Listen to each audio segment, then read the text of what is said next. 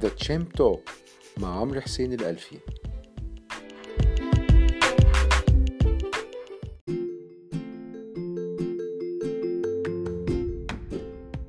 بسم الله الرحمن الرحيم. أهلا بيكم في حلقة جديدة من البرنامج الأسبوعي The Champ Talk معكم عمرو حسين الألفي من Market Champ. اولا بعتذر عن تأخير في إذاعة الحلقة الجديدة بتاعتنا الأسبوعية. إحنا اتفقنا قبل كده إن إحنا نعمل الحلقة بتاعتنا اسبوعيا وتكون يتم نشرها إن شاء الله على الموقع بتاعنا marketchamp.com markets with s طبعا champ dot com إن هو يبقى الحلقة بتاعتنا بيتم نشرها يوم الجمعة من كل أسبوع. لكن الجمعة ديت كان في طبعا حدث مهم جدا في مصر في الأيام ديت وهو افتتاح بطولة الأمم الأفريقية. الحقيقة بالنسبة لنا شخصيا كان يعني شرفت إن أنا أحضر حفلة الافتتاح والمباراة الأولانية للبطولة اللي هي بطولة الأمم الأفريقية ل 2019 وهي كانت ما بين كانت ما بين مصر وزيمبابوي. شخصيا يعني أنا الحقيقة أول مرة في حياتي أحضر افتتاح بطولة مش بس بطولة كرة القدم أي بطولة في أي لعبة أخرى. دي كانت أول مرة بالنسبة لي. وطبعا الواحد يعني يعني تحمل على نفسه إن هو طبعا يحضر حوالي 8 ساعات في الاستاد علشان يحضر حدث مهم زي دوت. والحقيقة بالرغم من عدد الساعات الكبيرة الواحد يعني قضاها في عشان يتفرج على الافتتاح وعشان المباراة الأولى. لكن الحقيقة الواحد كان مبسوط جدا وحسيت إن فعلا إن كان في إنجاز كبير جدا في حفلة الافتتاح. بالرغم من بساطة الاستخدامات يعني استخدام التكنولوجيا بصورة كبيرة جدا في الافتتاح وممكن يكون البساطة جاية من عدد الأفراد اللي تم استخدامهم. يعني مش زي البطولات اللي كنا بنشوفها قبل كده افتتاحات قبل كده بيبقى فيها أشخاص كتيرة جدا بي بيرقصوا أو بيعملوا أداء استعراضي. وبيتم يعني دمج الاستعراض مع الموسيقى مع طبعا ضبط الإيقاع مع كل التشكيلات الفنية المختلفة.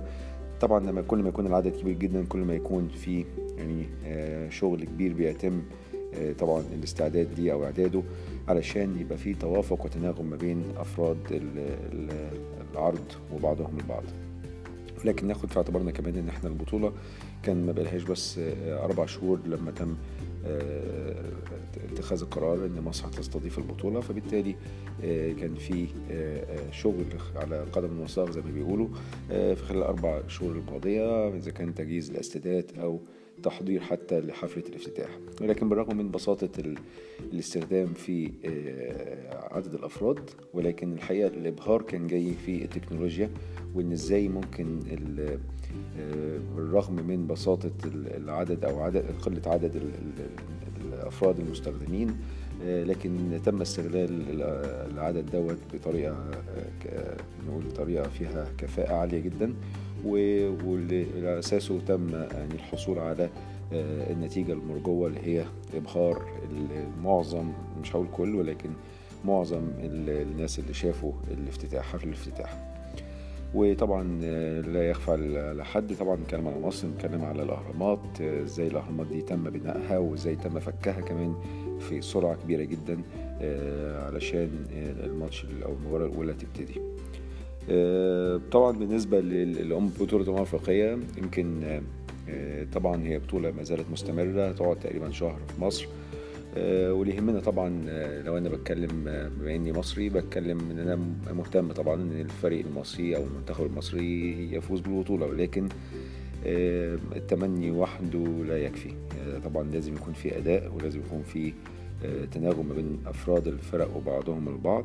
علشان في الآخر زي ما بنقول الفرق الاستعراضية لما كانت بتعمل الافتتاحات المختلفه لازم في تناغم ما بينهم علشان في الآخر تقدر تنسق وتعمل نتيجة كبيرة جميلة. نفس القصة بالنسبة للمنتخبات منتخبات الكورة أو كرة القدم أو أي كره أخرى. إن دام في لعبة جماعية يبقى لازم افراد الفرقة كلها يبقوا متناسقين مع بعض ومتناغمين مع بعض ويكون ليهم هدف واحد وهو إحراز الأهداف وإحراز البطولة وبالتالي بنتكلم على البطولة الأفريقية ومنتخب مصر في طبعا المباراة الأولى يمكن الأداء ما كانش قوي وكان أقل من المتوقع ولكن النتيجة كانت اللي هي المفروض اللي إحنا كنا متوقعينها وكنا عايزينها ونتمناها اللي هي فوز منتخب مصر في البطولة في في المباراة الأولى ولكن طبعا الأداء ما كانش قوي. طيب إيه علاقة الكلام دوت كله بالاستثمار؟ إيه علاقة الكلام دوت بالبورصة؟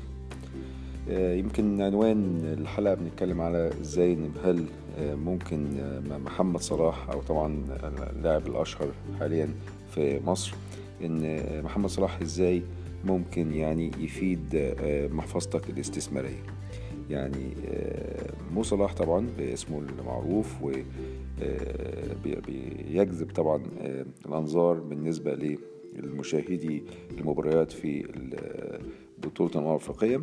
بنقول يعني إزاي مو صلاح ممكن ينقذ محفظتك الاستثمارية. طبعا علاقة ده بالبورصة برضه والاستثمار علاقة محمد صلاح بالاستثمار. طيب تعال نفكر فيها من ناحية تانية. تعال نفكر فيها إزاي إن محمد صلاح هو لاعب مهم جدا وأساسي في منتخب مصر. ومنتخب مصر مش بس محمد صلاح منتخب مصر فيه 11 لاعب. يعني محمد صلاح زائد 10 تانيين يبقى بنتكلم على 11 لاعب. نغير الاحتياطي لو هنغير كل التغييرات يبقى عندك ثلاث لاعبين آخرين. إحنا بنتكلم على 14 لاعب ممكن يكون يعني يساعدوا بعض في تناسق وتناغم إن هم يحققوا الهدف بتاعنا هو إن مصر أو منتخب مصر يكسب وبالتالي يكسب مباراته وبالتالي يكسب بطولة الأمم الأفريقية. لكن هل فعلا يعني ده كفاية وحده؟ إن يكون في لعيب مهم جدا. هو اللي ينقذ أو يعني يساعد على فوز المنتخب ككل. زي ما في بعض الإعلاميين بيسموا المنتخب مصر هو منتخب صلاح. تعال نبص نطبق الكلام دوت على الاستثمار. نعتبر محمد صلاح ده هو السهم البريمو بتاعك أو السهم الأهم اللي هو شايفه إن هو هي هيكسبك كويس جدا. ومن ناحية أخرى ممكن تبص على باقي فريق المنتخب اللي هو باقي الأسهم اللي موجودين في محفظتك. هل لو انت شايف سهم مهم جدا هو اللي هيعمل أداء كويس جدا تيجي تبص على باقي أسهم عندك في المحفظة هتديها اهتمام كبير زي ما بتدي السهم الأولاني؟ بالطبع لا هتبص على السهم الأولاني وتقول لا أنا هدي السهم دوت وزن نسبي وفوق ال 50% ممكن نديله وزن نسبي عشان هو سهم قوي جدا وفي احتمال كبير جدا إن هو يعني يكسبني كمحفظة.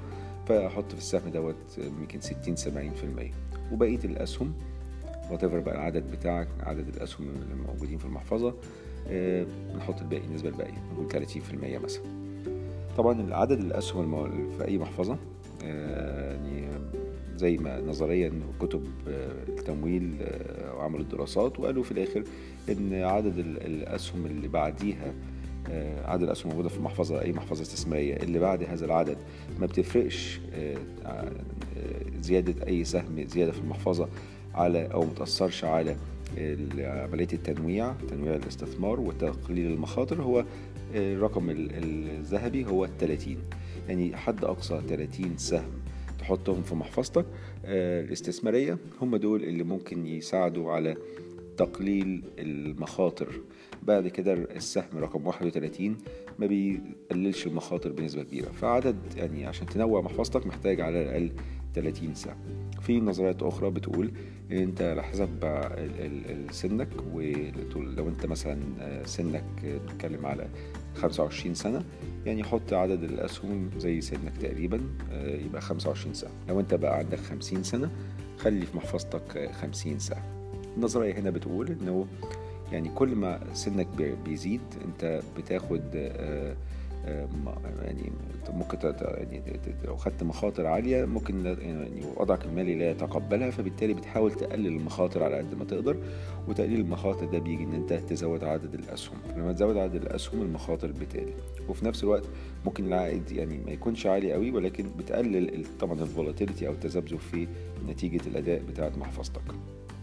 طب لو نرجع للمثال بتاعنا بتاع مو صلاح والمنتخب المصري والسهم البريمو بتاعك ومحفظتك الاستثمارية.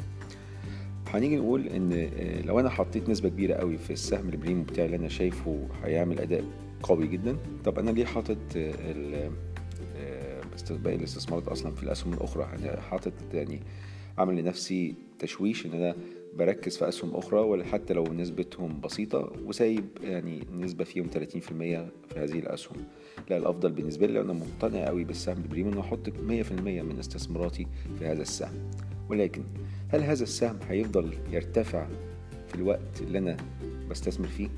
طبعا يعني آه، كنا كاتب كنت كتبت ارتكل أو مقاله آه، من يومين اتكلم على إن المستثمر علشان يعمل أداء كويس جدا محتاج أربع نقط علشان يعمل أداء كويس جدا. أول حاجة إن هو يختار السهم اللي هو هيستثمر فيه وتاني حاجة السهم السعر اللي هيدخل عليه وتالت حاجة السعر اللي هيخرج عليه ورابع حاجة يمكن الأهم في نظري هو الوقت اللي هيفضل قاعد فيه في السهم. آه، الوقت الزمني دوت مهم جدا. فأنت لما تيجي تبص على السهم اللي انت السهم البريمو اللي هتشتريه أو اللي أنت هتحطه في محفظتك هل أنت شايف إن السهم ده هيعمل أداء كويس؟ let's say إن أنت هتستثمر لمدة سنة. هل أنت شايف إن السهم ده هيبقى أداؤه كويس جدا في خلال سنة؟ طب ممكن السنة ديت ما تكونش هي السنة الأحسن بالنسبة لهذا السهم. ممكن يكون على المدى الطويل على مدى العشرين سنة أو العشر سنين اللي فاتوا آه السهم بيعمل أداء كويس جدا. على عشر سنين أو عشرين سنة على المدى الطويل. ولكن لما تيجي تبص على المدى القصير هتلاقي إن السهم دوت ممكن يكون أداؤه مش قوي. وبالتالي أنت تحط مية في المية من محفظتك في هذا السهم. ممكن السنة اللي أنت بتختار فيها هذا السهم بالرغم من السهم ده سهم كويس وقوي وفي أداء آه، يعني متوقع ليه على المدى الطويل كويس جدا ولكن في هذا هذه السنة بالذات ممكن الأداء ما يكونش قوي. وبالتالي أنت حطيت فلوسك في سهم خسران. أو سهم خاسر بالنسبة لهذه الفترة الزمنية اللي هي السنة. طيب الحل إيه؟ الحل إننا نرجع تاني لعملية تنويع الاستثمارات.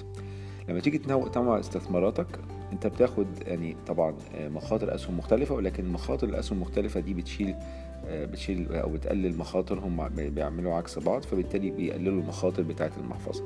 ودي اللي إحنا بنسميه مخاطر المحفظة الاستثمارية بيتم تقليلها عن طريق تنويع الاستثمارات.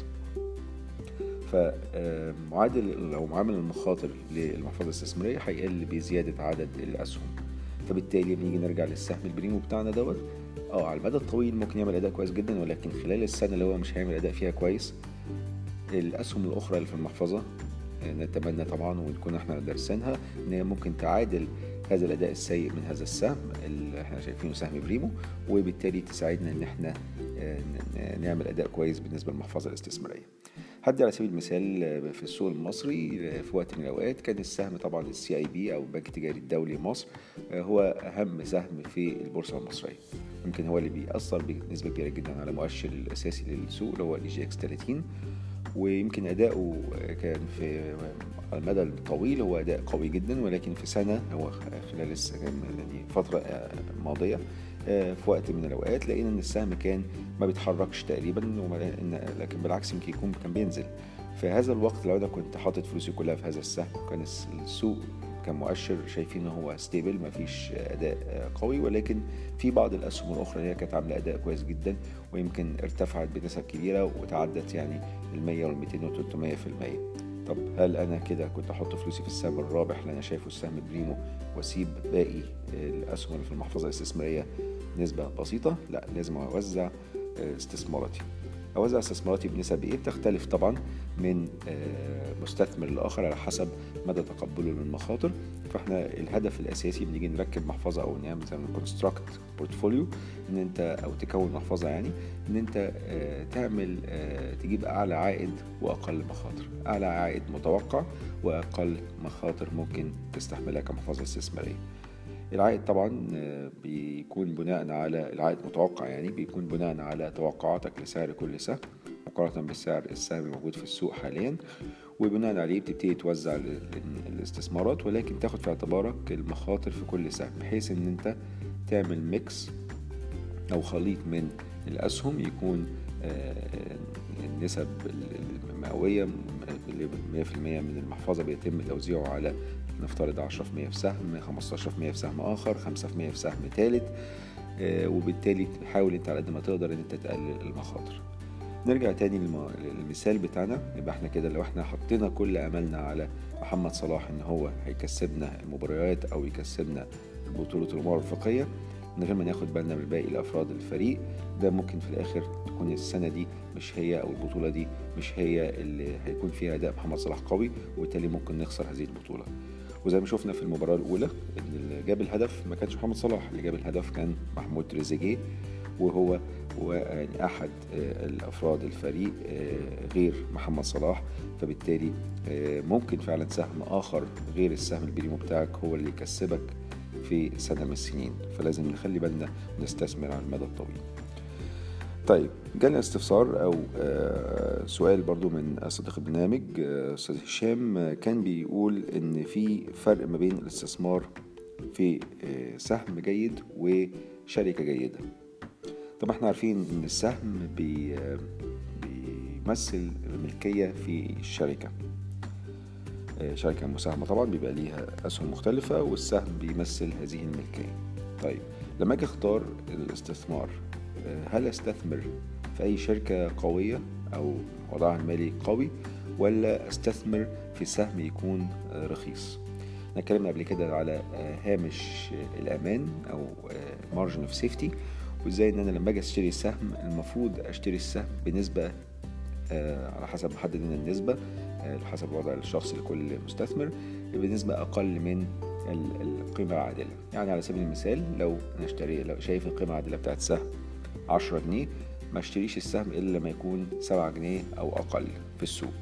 ده أنا كده اديت لنفسي هامش أمان 30% في بعض الحالات ممكن يتطلب إن الهامش الأمان يكون أعلى من كده بكتير. ممكن في بعض الحالات في ناس بتقول أنا مش هشتري السهم إلا لما يكون خمسة جنيه أو أقل. يعني عايز هامش أمان خمسين في المية أو أكتر من خمسين في المية هامش الأمان. عايز أزود هامش الأمان بتاعه. فبالتالي أنا مش هشتري السهم لما يكون نص القيمة العادلة اللي أنا شايفها أو حتى أربعين في المية من القيمة اللي أنا شايفها.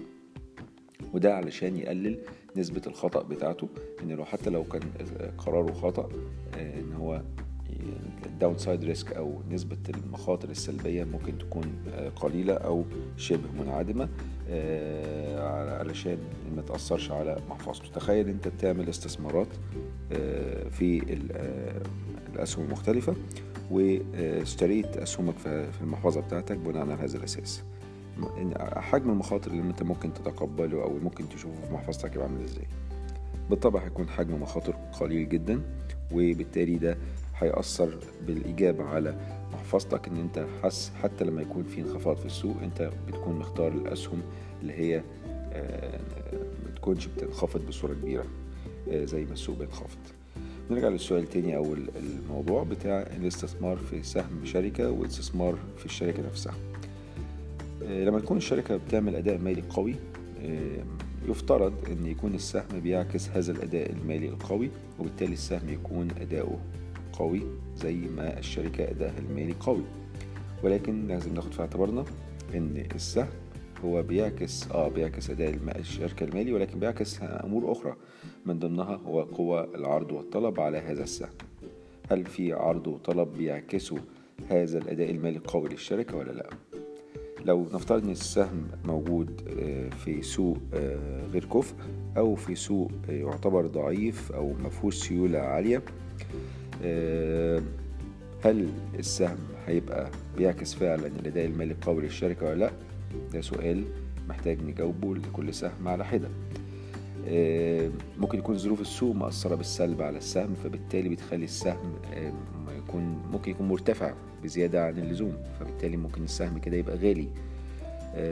ممكن يكون السهم منخفض بصورة كبيرة جدا مبالغ فيها علشان في تخوف من الاستثمار عامة في البورصة أو الأسهم حاليا فبالتالي الناس بتعزف على الاستثمار في الأسهم فبالتالي السهم منخفض بزيادة عن اللزوم بنسبة زيادة مبالغ فيها. فده ممكن يكون وقت الاستثمار في هذا السهم. عشان نحدد بالظبط السهم الافضل نشتري فيه ولا الشركة يعني أنا لازم أبص على الأساس بتاعي هو الشركة طبعا. أبص على الشركة وأدائها المالي وأدائها التشغيلي لكن الأداء المالي ممكن يكون قوي برضو الأداء التشغيلي ما يكونش قوي لأن ممكن يكون الشركة عاملة أداء مالي عن طريق مثلا بيع بعض الاستثمارات ليها تحقيق مثلا أرباح غير يعني محققة أو يعني يعتبر يعني أرباح على الورق أو مثلا أرباح عملة. كل الكلام ده لازم أحلله علشان الأداء المالي ممكن بيعكس حاجات تانية غير الأداء التشغيلي. فأنا يهمني جدا هو ال business. أنا لما بشتري سهم أنا بشتري سهم وملكية في ال business أو في عمل هذه الشركة وبقيت مساهم فيها يعني أنا صاحب العمل هذا العمل وبالتالي أنا كصاحب العمل يهمني جدا إن الشركة تكون بتكسب وإن ال market share أو الحصة السوقية بتاعتها بترتفع وإن الأداء التشغيلي بيرتفع مع الوقت يكون في معدلات نمو عالية لأن في الآخر معدلات النمو العالية ديت بتعكس أو بتنعكس في الأداء المالي للشركة عاجلا أم اجلا.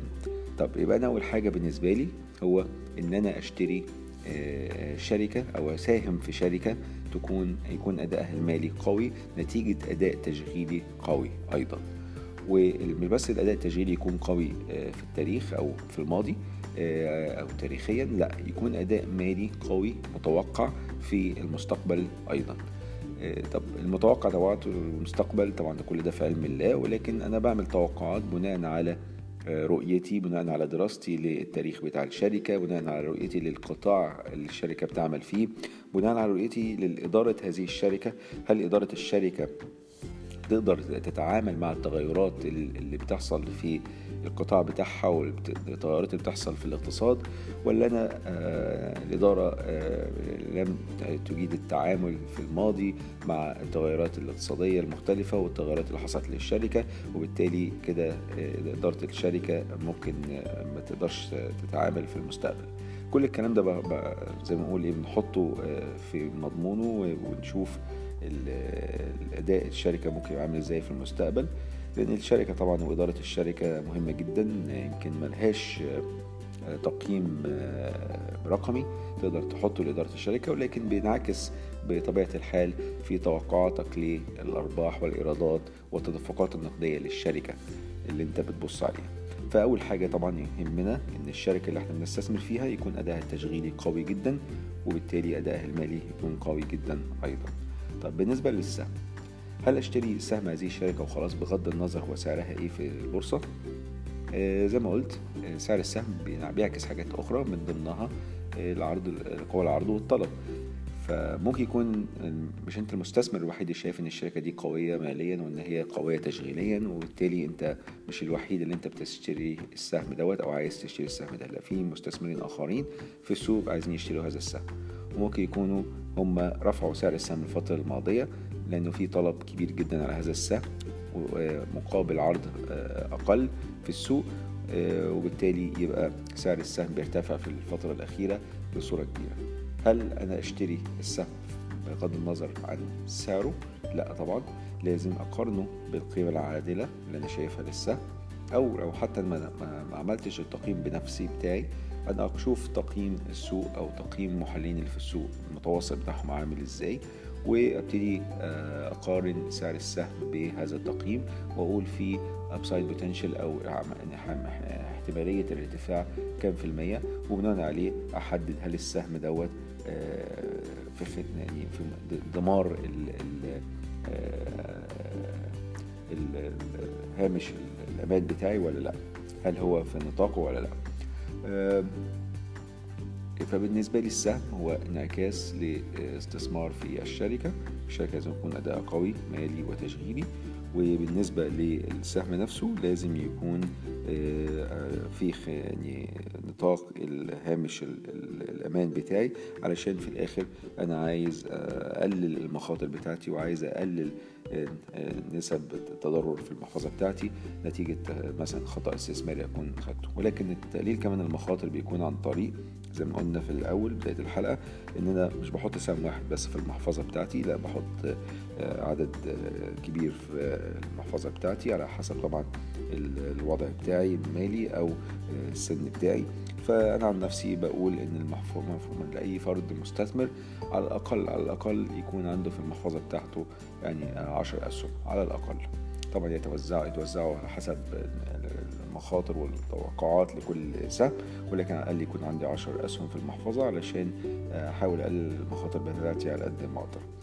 ولكن أستثمر في إيه؟ نرجع للاستفسار تاني. هل أستثمر في هذا السهم بتاع آه، الشركة الجيدة ولا لأ؟ لأ طبعا مش أي شركة جيدة أشتري سهمها ومش أي سهم رخيص أشتريه. يعني ممكن أكون ألاقي سهم رخيص سهم بيتداول على 4 جنيه في السوق وأنا القيمة العادله اللي أنا عاملها أو القيمة العادله اللي المحللين شايفينها في السوق هي ال 10 جنيه. فمعنى كده هامش الأمان 60% فكده السهم رخيص جدا ويلبي نسبة أو هامش الأمان اللي أنا حاطه في اعتباري ومخيلتي وبالتالي ده أنا لازم أشتري السهم ده. هل السهم ده رخيص قوي كده فبالتالي أشتريه؟ لازم أرجع تاني وأسأل نفسي هل الشركة اللي هي السهم ده بيمثلها هل الشركة ادائها التشغيلي وادائها المالي قوي تاريخيا ومستقبليا والتوقعات في المستقبل؟ آه، ممكن تكون توقعات مبالغ فيها. آه، لازم أخد ده في اعتباري برضو. فبالتالي أنا لما أجي ألاقي سهم رخيص برضو ما أشتريهوش على طول لازم أشوف وأقارن وأشوف أداء, الشركة التشغيلي وأداء المالي عامل إزاي؟ وعلى أساسه أبتدي أحدد هل فعلا السهم رخيص ولا السهم رخيص علشان التوقعات اللي هي مستقبلية آه، يعني في نسبة احتمال كبير إنها لا تتحقق وبالتالي السعر السهم ممكن ما يكونش رخيص ولا حاجة ممكن يكون فعلا يكون عادل. وفي مقولة أخرى بتقول إن ممكن يكون القيمة اللي أنا شايفها ديت ما هي إلا فاليو تراب أو فخ للقيمة. يعني أنت سهم بتشوف إن هو رخيص جدا؟ في قيمة فعلا ولكن القيمة دي لن, لن تتحقق في المستقبل القريب آه، بأي حال من الأحوال. آه، نتيجة عدم وجود محفزات للسهم إنه يرتفع في الفترة القادمة. وما ننساش برضو أحد أربع عوامل الأساسية اللي قلتها في المقالة إن هو لازم يكون ال timeline أو الوقت الزمني بتاعك يكون بيتحقق ما يكونش أنا بشوف سهم.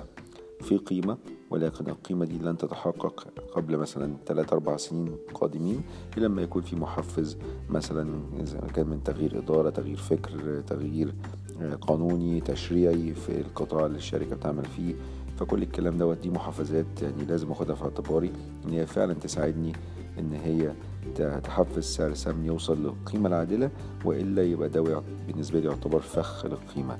فبالتالي نلخص كده يبقى أنا ال ال أي سهم رخيص طبعا مش هو ده اللي هستثمر فيه على طول لازم أرجع تاني للشركة. الشركة أداها عامل إزاي؟ التشغيلي والمالي. وهل هناك محفزات لارتفاع سعر السهم للوصول لهذه القيمة العادلة أم لا؟ لو كل في محفزات وفي آه، هامش الأمان عالي آه، طبعا ممكن أستثمر في هذا السهم. والناحية الأخرى لو الشركة قوية جدا ماليا وأدائها التشغيلي قوي جدا هل أشتري سهمها بأي حال من الأحوال؟ لأ.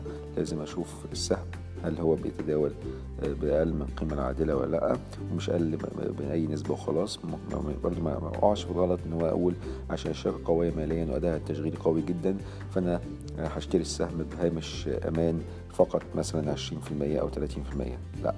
لا خلي هامش الأمان بتاعك زي ما هو آه، لأن أنت ممكن تقييمك للشركة يكون مبالغ فيه فبالتالي يبقى أنت بتاخد قرار استثماري خاطئ. يبقى هو ده اللي إحنا بنخلي بالنا منه علشان نحقق استثمارات آه، ناجحة آه، مع الوقت. وبكده تكون انتهت حلقتنا الأسبوع دوت. لكم مني ارق امنياتي والسلام عليكم ورحمة الله وبركاته.